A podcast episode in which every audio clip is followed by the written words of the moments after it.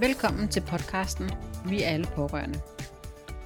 En podcast, der stiller skarp på det at være pårørende på tværs af diagnoser, og hvor sårbarhed er helt okay. Jeg hedder Rikke, og jeg er din vært. Jeg er så heldig at have været i samme netværk som denne episodes gæst, Anne Meinicke. Vi har nørdet trends sammen, og det har været givende og sjovt. Anne er journalist, forfatter, foredragsholder, en alt for erfaren patient, der gennem nu 21 år stadig er patient i systemet. Anne har skrevet bogen To kaffe og en staveplade. En både rørende og barsk beretning om at komme ud for det, der ellers kun sker for andre. En invaliderende ulykke. Efterfølgende 28 timer på operationsbordet og 5 uger i koma. Den er også historien om at finde tilbage til livet som 65% invalid, og om kampen for at holde sammen på hele familien. Lyt med og hør også, når Anne fortæller om et dansk sundhedssystem, der udretter mirakler, men også er skandaløst mangelfuldt. Anne har et godt bud på fremtidens patient, fremtidens pårørende og fremtidens sundhedsvæsen. Fremtiden er nemlig kommet for at blive. Jeg har glædet mig meget til at byde Anne velkommen.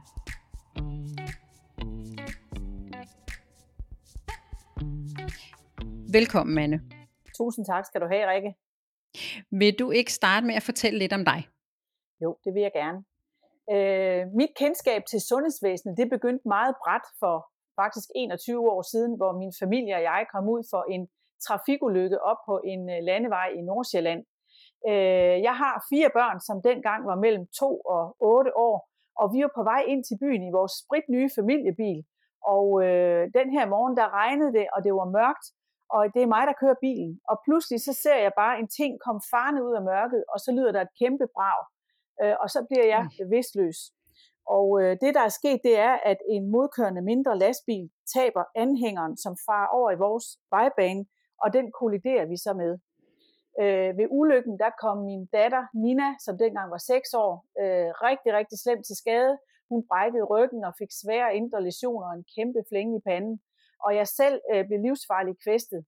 Og øh, vi blev i første omgang bragt ind på Hillerød sygehus, men senere, øh, meget kort efter, overført til Rigshospitalet, øh, hvor jeg kom på operationsbordet med en øh, næsten overrivning af min hovedpulsåre, og med lesioner på lever, mild, blære og nyre, og med brud på ankel og knæ og arme, og øh, så havde jeg også fået slået lårbenet op igennem bækkenringen, sådan altså min hofteskål blev taget med ud på den anden side. Så mit bækken, det var simpelthen mm. knust. Så jeg tilbragte 28 timer på operationsbordet, og øh, derefter så blev jeg lagt i respirator på Rigshospitalets intensive afdeling.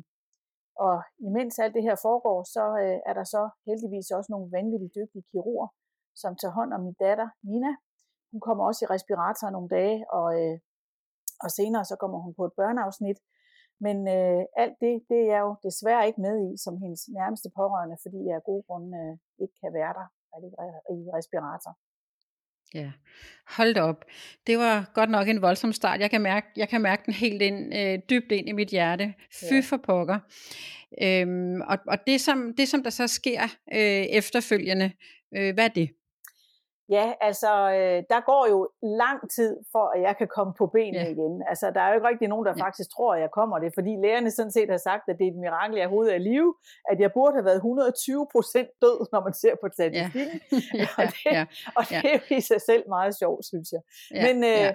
men i hvert fald, jeg har et meget, meget, meget langt øh, genoptræningsforløb, og i al den tid, der, øh, der bliver mine børn noget forsømt, i hvert fald af deres mor. Øh, de mm. har heldigvis en far, som er utrolig dygtig og, og, og mm. altså dygtig og, og kan alt muligt her, øh, viser, jeg ved ikke, hvor han får de kræfter fra, men det gør han. Og derudover mm. så har vi et meget stort netværk af venner, som simpelthen laver vagtplaner for, at de kan bakke op om os øh, i den allerførste tid, hvor jeg ikke er der. Ikke? Mm. Så øh, det, er, øh, det er rimelig kaotisk, og det er selvfølgelig noget, der har siddet i mine børn altid det her. Det er jo ikke sådan, at vi har gået rundt og talt om ulykker hver dag. Men det er en stor Nej. del af vores liv, og jeg har jo også ja. været en belastning, altså helt konkret, ikke? Altså, jeg har mm. siddet i en kørestol, vi har boet på tredje sal, øh, og, øh, og det er ligesom ikke mig, der er taget fra, det er ligesom nogle andre. Så ja. øh, det er klart, det har været en kæmpe stor belastning for min familie, det her. Ja, det har været en belastning for familien, men også for dig. Man kan sige, det som, det som, som jeg kender til dig øh, i dag, øh, var det 21 år efter, Ja. det er jo, at, at, at du øh, i dag har, har en bog, og snart en til, øh, på samvittigheden, havde nær sagt. ja. øh, den, den første bog, den er jo nærmest blevet en bestseller, og, og ved jeg bliver brugt i, øh, i blandt andet sygeplejeuddannelsen. Ja. Øh, og jeg ved, du holder nogle øh, foredrag og, og forskelligt, hvor du ligesom også i tale sætter nogle forskellige ting. Blandt Ja. andet det her med, at vi skal have de pårørende i spil på en anderledes, eller i hvert fald en bedre måde. Så kunne du ikke prøve at fortælle lidt om, hvad dine tanker om det? Jo, altså mine tanker om pårørende er jo, at de er en kæmpe stor ressource, som vi ikke har i spil ude i sundhedsvæsenet. Og nu kan man Ja. sige, hvordan ved jeg det? Fordi jeg var jo selv patient. Det er jo fuldstændig Mm. rigtigt. Men altså, jeg så jo, hvad det her det krævede af dem, der var rundt om mig. Øh, Mm. og, og, og det er den ene ting af det, det er, at, at øh, pårørende, de bør jo have meget større opbakning til at gøre det, de jo allerhelst gerne vil. Der er jo ikke Mm. mm. nogen nære pårørende, der ikke rigtig gerne vil gøre det godt for den, der ligger i sengen, eller hvor det nu kan være. Ikke? Øh, Lige så det er den ene del af det. Den anden del, det er at systematisk at få de pårørendes ressourcer i spil, hvis de Mm. gerne selv vil deltage. Og, øh, og, og der, der, det har jeg prøvet sådan at, at tale med, med, med professionelle om også, altså blandt andet læger og sygeplejersker. Hvorfor er det, at vi egentlig ikke har et system for det her? Fordi det Mm. virker jo meget tilfældigt, hvordan man Ja. får de pårørende ind ad døren, og hvordan man senere får ressourcerne i spil. Altså, Ja. jeg har selv været pårørende øh, til min mor, da hun var kræftpatient, ikke? Og, det, Mm. mm. altså jeg, og jeg har været pårørende i andre sammenhænge, hvor det heldigvis ikke har været helt så alvorligt. Altså hun ender jo med at dø af sin kræftsygdom. Mm. Men altså, mm. men, men, men uanset hvad, så har jeg, jeg har aldrig mødt et spørgsmål, for eksempel, når jeg er kommet ind med en af mine syge, øh, hvis du kan Mm. mm. kalde det sådan, eller, Mm. mm. eller nogen, der er i, i, i nød om mig, hvor de har sagt, ja. okay, Anne, det er dig, der er den pårørende. Skulle vi tale lidt om din rolle? Øh, hvordan Mm. har du lyst til at blive inddraget? Er der noget, du gerne synes, du vil bidrage med, videre? Altså, det burde Ja. ja. man jo sætte i system, sådan Ja. ja. at man allerede, øh, når man går på den samtale, så har man ligesom nogle veldefinerede roller, og man har budt ind med det, man som pårørende gerne vil byde ind med. Mm. Måske har Mm. man så også fået noget støtte fra den sundhedsprofessionelle eller socialrådgiveren, eller hvem det nu er, man er til Ja. møde hos, sådan at man kan øh, ligesom få styrket sin øh, rolle som pårørende, hvis du forstår, hvad jeg mener, Rikke. Jamen absolut, og, og, det, er- og det er jo igen, jeg, jeg står jo som pårørende, og jeg er pårørende til, til flere forskellige øh, ja. øh, diagnoser, eller, øh, eller ikke diagnoser, men i hvert fald øh, flere forskellige øh, ramte øh, på forskellige måder. Øh, og, og det er jo fuldstændig korrekt, det du siger. Det er, altså, man står faktisk sådan lidt tilbage, og, og vil gerne, jeg er også en af dem, der, der, der gerne vil, og også har ressourcen til at, at være ja, den der tovholder øh, på en eller anden måde. Og jeg, og jeg ser også, øh, at at vi får jo også pålagt nogle, øh, nogle øh, roller. Øh, altså det er jo næsten et, et, et job i sig selv at, at være pårørende, i hvert fald den nære pårørende. Ja. Øh, og, og, øh, men man får ikke nogen introduktion i det. Nej. Så, så, så det jeg lige nu navigerer i, det er øh, vores ældste søn, der fik en jernblødning i 2020. Og, øh, og ganske forfærdelig historie også.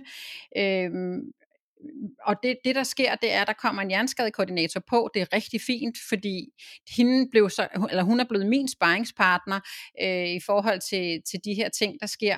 Jeg ved bare, at det, det er ikke sådan, det er alle steder. Øh, og, og jeg kom jo også hovedkuls ind i det, og jeg ved også, at du har sådan en, øhm, du har en opsang, som du gerne ligesom vil, vil sige til os, fordi vi har jo faktisk også et ansvar. Er det ikke Ja. rigtigt? Ja. Jo, altså det, det er en anden ting, øh, og det, det er det her med, at, at jeg synes i det hele taget også, at patienter og pårørende, og nu vil jeg lige understrege, dem der har mulighederne for det. Altså der er jo ja, nogen, præcis. vi, vi skal jo lige hele tiden skelne mellem, hvem har selv ressourcer, hvem har ikke ressourcer. Men Ja. dem, der har ressourcer, det er rigtigt, dem kunne jeg godt nogle gange have en opsang til, som handler om, at man også lige selv, altså lige tager sig sammen og forbereder sig, og tænker, ja. hov, hvad kan jeg egentlig selv bidrage med? Hvad har jeg brug Mm. for, at det her, øh, det kommer til at indeholde for, at det kan forløbe bedst muligt? Øh, til patienter, ja. der har den opsang, at de sørger, safthusen skal sørge for at møde op til tiden og alt sådan noget. Ikke? Fordi der Ja. er faktisk også ting, som vi patienter og pårørende godt kan optimere på. Men det, det er nu en, øh, en lidt anden sag. Men omkring det her med problemer i forhold til pårørende, så på et tidspunkt, så lavede jeg et debatopslag ind på LinkedIn, øh, mm. hvor, jeg, hvor jeg skrev om det her med, hvad skulle der egentlig til for, at vi kunne få pårørende i, i en bedre rolle, og jeg, og jeg kalder dem jo medrørende, fordi yeah. jeg synes, at de helt automatisk bør inddrages i forløbet, og at medrørende, mm. det har nemlig lige præcis den klang, at de er med i forløbet, de er en ressource. Men mm. i den forbindelse, så spurgte jeg så øh, de sundhedsprofessionelle, som er i mit netværk derinde, øh, hvad, hvad kan vi egentlig stille op med det her? Ikke? Og vi mm. vil egentlig gerne inddrage pårørende mere. Og så kommer der faktisk ret forskellige svar. Øh, der kommer selvfølgelig nogen, som siger, ja, det vil de rigtig gerne, men mm. der kommer også dem, som jeg faktisk synes er rigtig, rigtig gode og åbne, men som ser en række problemer i det her. Øh, mm. Og noget af det, øh, det er, at de mener, at rent lovgivningsmæssigt, så er der faktisk nogle problemer. Øh, så mm. noget med, at man skal give samtykke til dem, der faktisk må inddrages, det er en meget praktisk ting. Så er der en anden mm. ting i hverdagen, og det er, at når folk bliver syge, så er der, så, som der var en, der skrev, pludselig så møder der alle mulige op og kalder sig pårørende, som vi reelt ikke ved, om de er det. Og kan vi så ja. egentlig inddrage dem i behandlingen? Mm. Så det, som jeg har tænkt som en løsning på det her, øh, det er, at, at man egentlig burde have en primær pårørende, kan man sige. Altså, det kunne godt være mm. en, man kaldte for den medrørende, som er ja. den, som sundhedspersonalet ved har et samtykke fra patienten mm. til at komme ind i forløbet, og ved, at den, som de kommunikerer med, og så må alle de andre pårørende udenom, der er jo ikke noget vejen med dem, vel Rikke, mm. men så må de ligesom ikke. have en sekundær rolle, og det er heller ikke dem, der kan rende hen til sygeplejersker og læger i tid og utid, og spørge mm. om alverdens ting, og tage deres tid, som vi ved, at de ikke har derude. Så altså, jeg synes godt, at man kunne systematisere det her bedre, ikke? Altså, ja. man har en eller to primære medrørende, og så har man ja. pårørende udenom, som selvfølgelig er hjertelig velkomne. Men jeg tror, ja. at man kunne få et meget mere øh, tæt forhold med kvalitet i, hvis man gjorde sig den umage, øh, både fra patientens, de pårørendes og sundhedspersonalets side, at man lavede en lille sluttet kreds om det her, så det kunne komme mm. på skinner. Ja, og, og, det, er, og det rammer spot on ind, on ind i, at vi, øh, vi faktisk som familie øh, står med, med en ny opgave i forhold til, at øh, min mands far øh, blev indlagt øh, i april, maj måned, øh, og øh, og i papirerne, der stod så af en eller anden årsag, at han ikke har nogen pårørende, og, og det har så været en lille smule detektivarbejde her, øh, nogle måneder efter, for overhovedet at finde ud af, hvor han var henne. Øh, men bottom line er bare, at nu har vi så stået øh, som pårørende, min mand som medrørende, hvis vi skal kalde ham ham, der er den til det, og så har jeg været ved siden af. Øh, og der har jo været et stort problem, øh, fordi at James far har boet alene i mange år, og øh, så det vil sige, at vi kan overhovedet ikke få adgang. Øh, vi er lige blevet gjort opmærksom på, at vi skulle have haft en fremtidsfuldmagt. Og det er der jo ikke nogen, der nogensinde har, øh, har, har øh, altså jeg kender slet ikke det ord, en, en, en fremtidsfuldmagt. Øh, øh, den kan man have på hinanden som ægte folk øh, og så videre. Øh, men det gør jo faktisk, at lige nu, der kan, når personale ringer, og siger, at han mangler medicin, han er på et midlertidigt plejehjem lige nu, øh, så kan vi sige, nå, for vi, kan ikke vi har ikke adgang til hans Nej. økonomi. Så vi kan ikke gå ud, jo, vi kan lægge ud, selvfølgelig. Jeg tror jeg ikke, der er øh, mange, der kender det der med fremtidsfuldmagten, Rikke. Nej, Vel? det kan, altså... altså jeg, jeg, overhovedet ikke, og det Nej. er jo, og det er sådan nogle ting, hvor jeg tænker, øh, hvis nu at man også vidste det, og det er selvfølgelig et steppet før det, som du siger med, at vi skal inddrages, når nu noget er sket, men, men jeg har jo den, den overordnede øh, tete, at, at vi er alle pårørende, og ellers så bliver vi det på et tidspunkt, så det vil sige... Det er fuldstændig rigtigt, ja.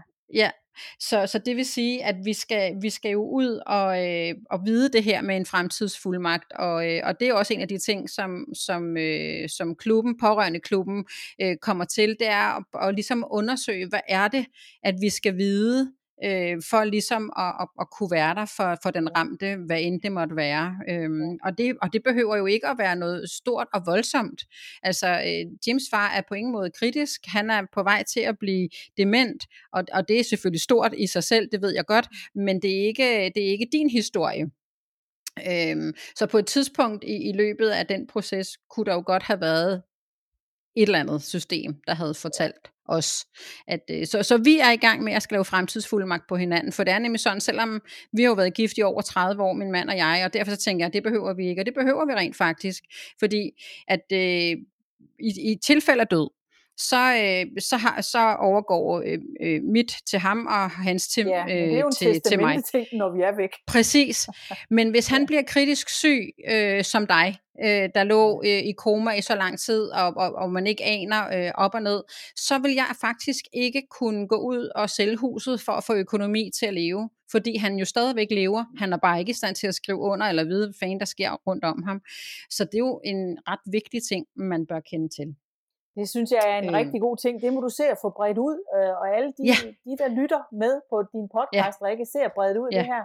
Hvad ja, kaldte du det for? Præcis. En, et fremtids... Fremtidsfuldmagt. En fremtidsfuldmagt. Ja, ja. ja.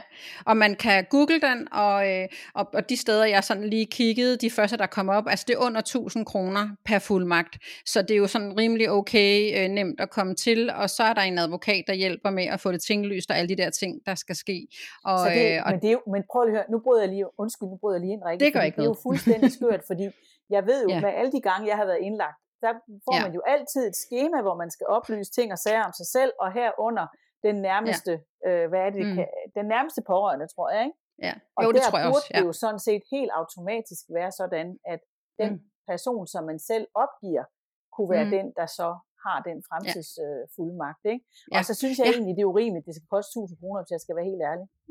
ja, det tror det er jeg del. vil bremse rigtig mange ja. mennesker.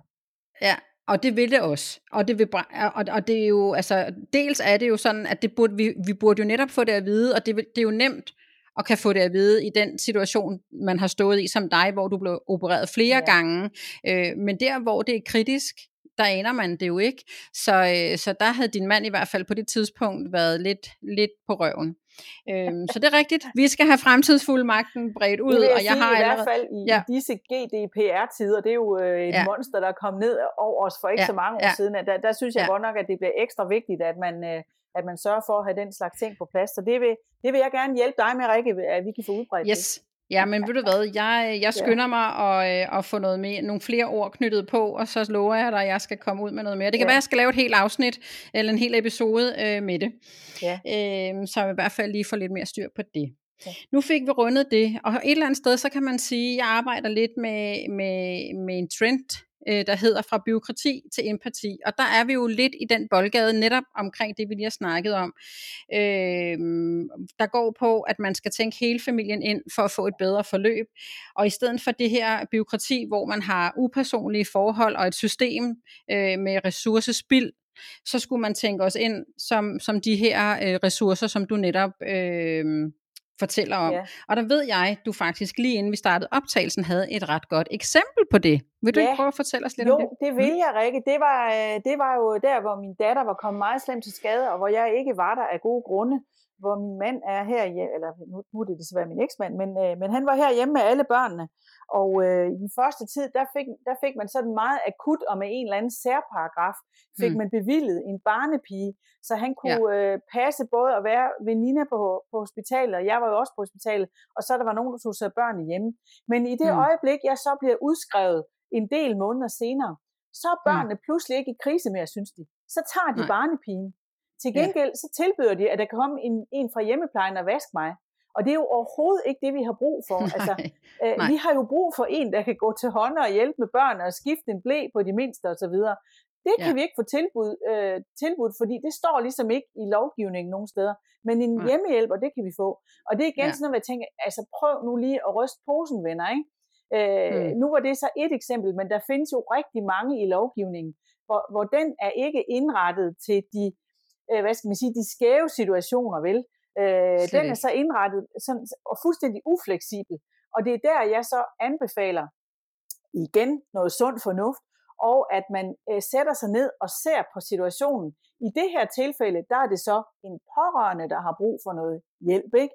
Og, mm, og, ja. og, og, og igen, ikke for, at vi skal suge på lappen, men simpelthen for, at vi kan få det til at fungere, så børnenes mm. far kan være den allerbedste pårørende, der overhovedet er mulig, og vi på den ja. måde faktisk kan spare systemet for, for ret mange ressourcer. Ikke? Og så skal ja. jeg jo helt til sige, at en barnepige sådan set er nogle billigere i drift, end en hjemmehjælp, der skal ud og ind af vores hjem konstant. Ja. Men det er nogle helt ja. andre ting.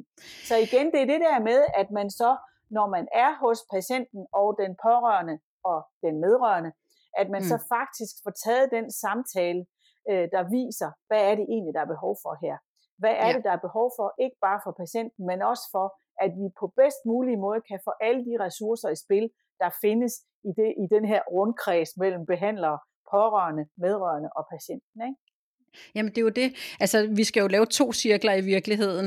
Øh, en, hvor den ramte er inde i midten, og, og, og så er der et, et helt øh, her af, af gode mennesker, men også en cirkel, hvor det er den pårørende, der er inde i midten. Det er nemlig min kæphest, det er den her, hvordan kan vi så som pårørende øh, navigere i det her, og stå bedst i os selv, Ja. så vi netop kan være noget fra vores ramte, og samtidig også bidrage, fordi jeg, jeg er jo sådan af den holdning, hvis vi gør det, som du siger, altså inddrager de pårørende på en bedre måde, så koster det jo 0 kroner på finansloven. Det koster jo ikke en skid at, at, at inddrage os, og vi er jo, altså, det må vi jo sige, vi er jo dem, der kender den ramte bedst personligt, så er jeg helt med på, at fagfolkene, dem skal vi jo have respekt for. Vi skal jo have respekt for, at, at sygeplejersker øh, kan, er, det, er det bedste til deres job, og lægerne er det bedste til deres job, og hele vejen rundt, at vi ligesom bare bliver et team, der, hvis nu sygeplejersken for eksempel havde sagt til mig, øh, hvad kan Rasmus godt lide at spise? Hvad for noget musik lytter han til?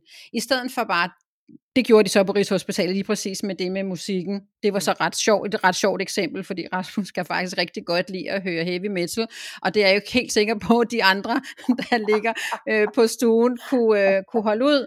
Men de tog så den lidt blidere version, som var voldbeat, men, men i det øjeblik, de så sætter det her musik på, så får de jo faktisk nogle små reaktioner ved Rasmus, selvom han ligger i koma, og selvom han ligger på intensiv.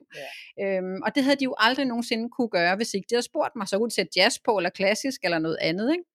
Det er sjovt, Øhm. at du fortæller det, fordi da jeg lå i respirator, der var der en, øh, en øh, sygeplejerske inde på intensiv, som faktisk gjorde præcis det samme Ja. øh, med mine pårørende, altså, og, og fik sådan et billede af, hvem jeg var. Han bad blandt andet om at få nogle fotos af mig fra før ulykken. Så kunne han Ja. danne sig et billede af, hvem det egentlig var, der lå inde under alle de her slanger. Ikke? Og det var jo en Præcis. vanvittig god brug af de pårørende. Det var den her sygeplejerske, der kom til at betyde allermest for mig, Ja. fordi han Ja. ligesom kunne tale med mig på en anden måde. Han har simpelthen sat sig ind i, hvad Mm. det var for en person, Ja. og det er præcis det samme, som du siger, at det Ja. kan han kun, fordi han faktisk har spurgt nogen, der kender mig. Så, øh, Præcis. Det er Og det er, jo det, det er jo sådan nogle små, det er jo sådan nogle små bitte ting. Jeg kan også huske, der var også noget med, med, med, med valg af tøj, når han skulle have tøj på. Altså har han det svært med syninger, og skal vi vente rundt? Og, altså det var sådan nogle, i virkeligheden er det jo nogle små bitte ting, som nogen jo bare slet ikke vil tænke over, og hvor jeg, jeg var jo ved at hyle hver gang, der var nogen, der, der kontaktede mig og spurgte mig om de der detaljer på, hvad kan vi gøre for Rasmus i den her situation? Hvad kan vi gøre for ham i den her situation? Mm. Og, øh, og, og efterfølgende nu, hvor han ikke er kritisk mere, så kan man bruge os på den måde, som du også nævner med at, at få os i spil, og få os øh, med til de her statusmøder, og, og få os ligesom, har du noget til det her emne? Altså jeg er jo stadigvæk, som jeg også sagde før, dyb respekt for det team, der er rundt omkring ham. Øh, de er hamrende dygtige, der er en talepædagog, og der har været noget synstræning, og neuropsyko- neuropsykolog, og ergoterapeuter, og fyser, de alle sammen har jo hver en lille bitte del i, i det, Ja. det fremskridt, han er kommet nu, ikke? Jo. Øhm, og så alligevel, så har du en meget god pointe også, øh, jeg tror faktisk, det var i en bog, i, i din bog, hvor, at- hvor, hvor du, du, eller så har du sagt det til mig, det kan jeg ikke huske, men det her med, at vi har et dansk sundhedssystem, som faktisk udretter mirakler, men som også er skandaløst mangelfuldt. Altså, Ja, men ja. det, det, ved uha, jeg, det kan du slet ikke huske. Jo, det kan jeg sagtens huske rigtigt, men, ja. Ja. men det har ikke sådan været i forbindelse med det med pårørende, fordi det er faktisk noget, som jeg er begyndt at spekulere meget mere over, efter at du Ja. øh, har stiftet pårørendeklubben. Øh, jeg har altid Ja. rejst rundt, var lige ved at sige, med, med den der med, at de bliver udnyttet alt for dårligt, de pårørende. Men hele problematikken ja. om det, den er jo ikke rigtig godt i talesat, før du ligesom er kommet på banen med det her. Men, men der, hvor jeg synes, at vores, vores sundhedsvæsen er skandaløst dårligt, det er jo det der med sammenhængen, altså med overgangen fra det ene til det andet, fra vi kommer fra hospitalet til den ene afdeling til den anden afdeling, og ud af hospitalet hjem i kommunen. Det er i den forbindelse, jeg, jeg tror, jeg har brugt den der øh, Jamen, og det- skandaløst dårligt. Ikke? Men, ja, men det var faktisk lidt, ja, det var i hvert fald det, jeg noterede, men, Ja. ja. men jeg, jeg griber fat i den, for det er jo Ja. ja. lige præcis det, i de der overgange, hvor vi som pårørende kan være øh, jeg kaldte det projektleder, om du vil. Altså, fordi at systemerne taler ikke sammen, øh, fandt jeg så ud af øh, i den her sammenhæng med Rasmus. Så, så da han ikke er en del af sygehusvæsenet mere, men skal videre øh, hjem og stadigvæk have specialiseret genoptræning, men nu i sit hjem, så er han ikke i, i sundhed.dk, så det vil sige, så kan man ikke gå derind og finde oplysninger om, hvad gjorde den der øh, fys, hvad gjorde den der ergo, og hvor langt nåede de der, og hvad talte de med ham om der. Hvem skal så stå der? Ja, enten så skal man så lige læse den afsluttende rapport, som jo kun er headlines, eller så skal man spørge mig, som var pårørende og en lille smule også øh, ude af balance, vil jeg gerne indrømme på det tidspunkt. Så, øh, så, øh, så, så, der, så for mig er den, den skandal, det, der er skandaløst mangelfuldt, det er netop skiftende. Ja. Og når de er det for mig som pårørende, så er de det også for dig som patient. Den er bare ikke længere. Jamen, så, der, vil så jeg, hvis, der vil jeg gerne tage ja. den der med skandaløst i munden igen, fordi det, det ja. fungerer simpelthen ikke, og det gør det stadig ikke. Det er helt utroligt. Nej. Og det gør det bare ikke. Og det har intet at gøre med de mennesker, der har stået omkring dig, er jeg sikker på, men i hvert fald dem, der står omkring Rasmus. Det er de mest kompetente, søde mennesker, der bare vil ham og os det allerbedste. Men der misser bare noget. Der var en enkelt ting på et tidspunkt, hvor jeg tænkte, hvad skete der lige med det der tale? Altså han har lettere afasi. Hvorfor er der ikke tale på? Ej gud, det var godt, du lige sagde det. Det skal vi også lige have fisket op. Øh, ja, det skal vi. Så det er jo også igen den der med, er det mit ansvar? Det blev det, og det er fint, men, men det er bare ikke i orden, at øh, hvis nu, at, at, at han ikke havde haft os, og han også havde boet alene, hvem skulle så have, have sørget for ham i skiftene? Ja. Så men det så det var bare der. Det, ja. det er jo en helt anden problematik, ikke? At det er det der ja. med uligheden i sundhed, altså ved Gud i himlen, ja. som jo både ja. kan opstå, fordi der er nogen, der er kvikker end andre til at få hjælp og så videre. Så er der nogen, ja. der ikke har nogen til at hjælpe. Så der er rigtig mange grunde til, at der er ulighed i sundhed. Men helt mm. klart, altså, øh, og, og, og, og, der, øh, og det er fordi, der mangler ressourcer også jo. Men det er jo ja. der, vi er tilbage til. Vi skal have alle de ressourcer, vi overhovedet kan finde i spil, og der mm. er pårørende bare, hvis man evner at få sat et system op omkring det her, så tror jeg virkelig, at vi kan få noget ud af det. Det bliver sindssygt godt, og jeg ved jo øh, med vores snakke, både her, men også tidligere, altså vi er jo så enige om, at hvis vi gør det her rigtigt, så bliver fremtiden for både de patienter, der kommer, og, og deres pårørende bare meget bedre at navigere i. Og så vil jeg så lige tilføje en ting, fordi jeg synes ja. nemlig, at man skal være man skal ikke bare øh, se det fra vores side. Jeg synes faktisk også, man skal prøve at se det fra personalets side. Og det var Absolut. lidt det, jeg også prøvede på med det der opslag, jeg refererede til før fra LinkedIn, ja. hvor der så ja. også er sygeplejersker, som heldigvis er åbenmundet nok til at sige, ved I hvad, det kan også være en kæmpe belastning. Pårørende, der simpelthen er alt for emsige og brokkende og ikke lytter og så videre, så videre, ikke? Og det synes mm. jeg, man skal anerkende. Og igen, ja. så er vi så tilbage til, tænk nu, hvis udgangspunktet var, at man havde haft snakken allerede inden, ikke? Altså at man ligesom mm. havde fået lavet nogle veldefinerede roller og fået talt med den vigtigste mm. eller de få vigtigste pårørende, så mm. sygeplejepersonalet og lærerne osv., de ved, det er dem her, vi forholder os til, og alle de andre mm. brokkehoveder, hænderne op, det må I sgu, altså, ja ja, ja, nu af, ja. ikke? Fordi ja. det synes jeg også, at man skal anerkende, at det kan ja. altså ikke nytte noget, der kommer 20 og påstår, at de pårørende skal opdateres på det ene og det andet. Slet og det ikke. er åbenbart et reelt problem. Det kan man jo læse, for ellers så skriver de jo ikke sådan. Ja. Her, Nej, og det så. kan jeg godt se, og det, og det er det selvfølgelig. Altså, øh, og, og, og det, det skal også i tale sættes, så det er også rigtig godt, at, at Øh, du får det sagt, og, og det er også en af mine kæpheste i pårørende klubben, der, der skal vi som udgangspunkt have ja-hatten på, og vi skal hjælpe hinanden til netop at være den bedste udgave af os selv, så vi kan, så vi kan hjælpe vores ramte. Og er man negativ, og vil man gerne brokke sig, så, øh, så kan man gøre det i et enkelt opslag en gang om ugen, eller også så kan man gøre det et andet sted. Øh, når, når, nogle gange, når man skal brokke sig, så skal man jo også finde ud af, hvem, hvem, altså, hvem skal man adressere det til? Er det fordi, der rent faktisk har været et menneske, der ikke har har øh, behandlet den ramte godt nok, eller talt ordentligt til mig. Altså, hvad er det egentlig, vi brokker os over? Ja. Fordi ja, der er der huller i systemet, og ja, der er der også ting, som, som kan gøres anderledes. Men nu er vores system sådan. Hvordan ja. kan vi så navigere bedst muligt i det? Og der og er det altså, ja. Mm. Det er der, jeg er meget stor tilhænger af. At det er så super fedt, at vi kan sætte os ned og blive enige om, hvor vi vil gerne hen. Men at vi ja. så også ikke bare øh, snakker og snakker, men faktisk kommer frem til nogle ting, der måske kunne virke. Altså, ja. det der ja. med samtalen. Ja. Jeg ved ikke, hvor længe vi har snakket om i sundhedsvæsenet med kommunikation. Og det bliver bare ja. ved. Altså, hvorfor fungerer ja. det ikke? Hvorfor er det ja. stadigvæk to tredjedele af alle patientklager, de handler om kommunikation? Altså, ja. det må vi for filen da kunne blive bedre til. Og her, der synes jeg virkelig, altså der har vi en afgr- et afgrænset område, hvor vi faktisk burde kunne sætte os ned og lave nogle systemer for, hvordan vi kunne få det her til at fungere. Ikke? Altså for ja. at hæve nogle pårørende, der egentlig ikke er det, eller i hvert fald mm. er det sådan ude i ydercirklerne, som du siger, Rikke. Mm. Ud med dem, mm. det behøver vi ikke ja. at beskæftige os med. Vi beskæftiger mm. os med de vigtige, og så får ja. vi lavet den cirkel omkring patienten, som ja. kan gøre, at vi øh, dels kan få et bedre forløb, det er jo vigtigt, og, øh, mm. og at det bliver bedre for både patienterne, de pårørende og for personalet. Ja.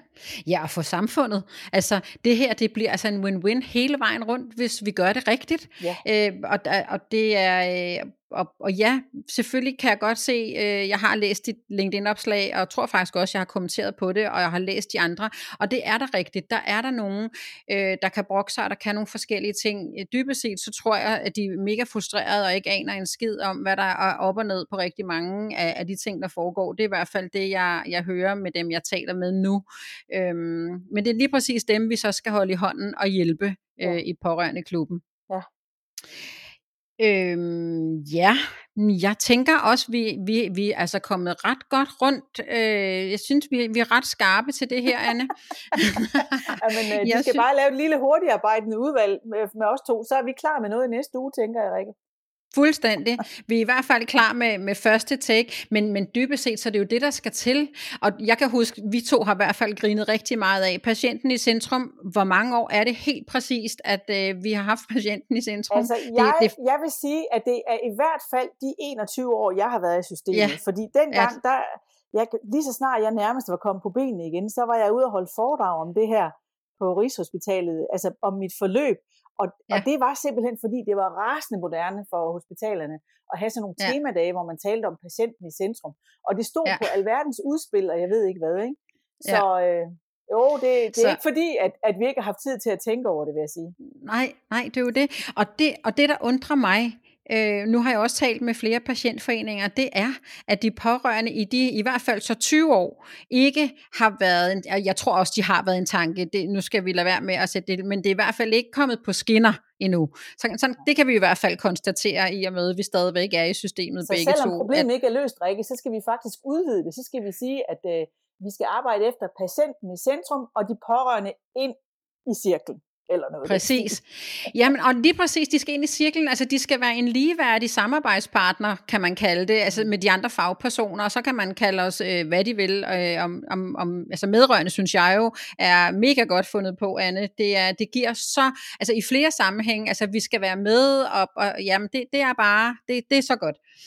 Så, øhm, så jeg tænker, altså det vi i hvert fald havde snakket om, det er vi kommet rundt om. Sidder du med noget her til sidst, hvor at du tænker, det vil jeg faktisk rigtig gerne have med, et nej, godt råd altså, til ud, lytterne? Eller? Ikke nej. udover, mm. altså det der med at, at hele tiden, altså selvfølgelig øh, altid at være godt forberedt. Altså nu kan man jo selvfølgelig ikke være forberedt på, på, på at røvle om igen.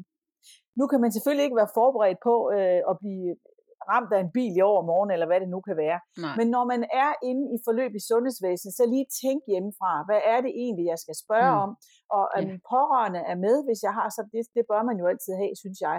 Fordi man som ja. patient, så hører man simpelthen dårligt, altså, mm. eller rettere, man hører Præcis. måske meget selektivt i hvert fald. Ikke? Og ja. der er det rigtig vigtigt at have en øh, pårørende med, eller en bisidder, eller hvad du vil kalde det. Og at man mm. så forbereder sig, det synes jeg faktisk godt, man kan få noget ud af selv, og jeg synes, ja. at det gør det noget nemmere at man ja. møder op og ved, man, hvad man gerne vil have med hjem fra den samtale. Ikke?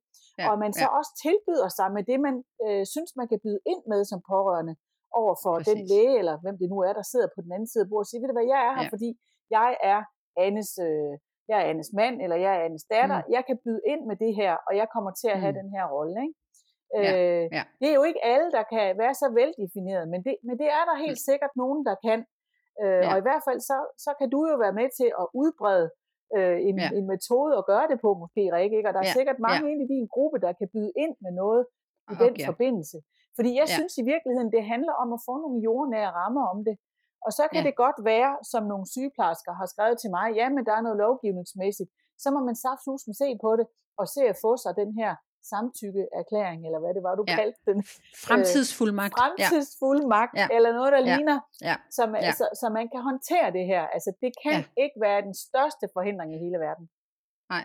Nej, og det er det jo heller ikke. Det skal i tale sættes, og det er øh, og, og det har vi jo i hvert fald øh, givet et, øh, et bud på nu, og, øh, og det har bare været som altid en stor fornøjelse at, øh, at tale med dig, Anne. Jamen, altså, jeg sige. tusind tak, Rikke, og i lige måde for Søren da. Godt. vi ses og høres ved derude. Ha' det godt. I lige måde. Hej. Tak. Hej. Vil du være en del af fællesskabet, vil jeg med glæde byde dig velkommen til Pårørende Klubbens Facebook-gruppe. Den er ganske gratis, og du finder den nemt ved at søge på Pårørende Klubben på Facebook eller i Google. Der ligger også et direkte link i beskrivelsen. Kunne du lide episoden, så smid gerne 5 stjerner vores vej, der hvor du lytter til din podcast. Og vil du være helt sikker på at være klar, når næste episode lander, så ind og følg podcasten i din podcast-app. Tusind tak, fordi du lyttede med til denne episode af podcast-serien Vi er alle pårørende. Vi høres ved i næste episode.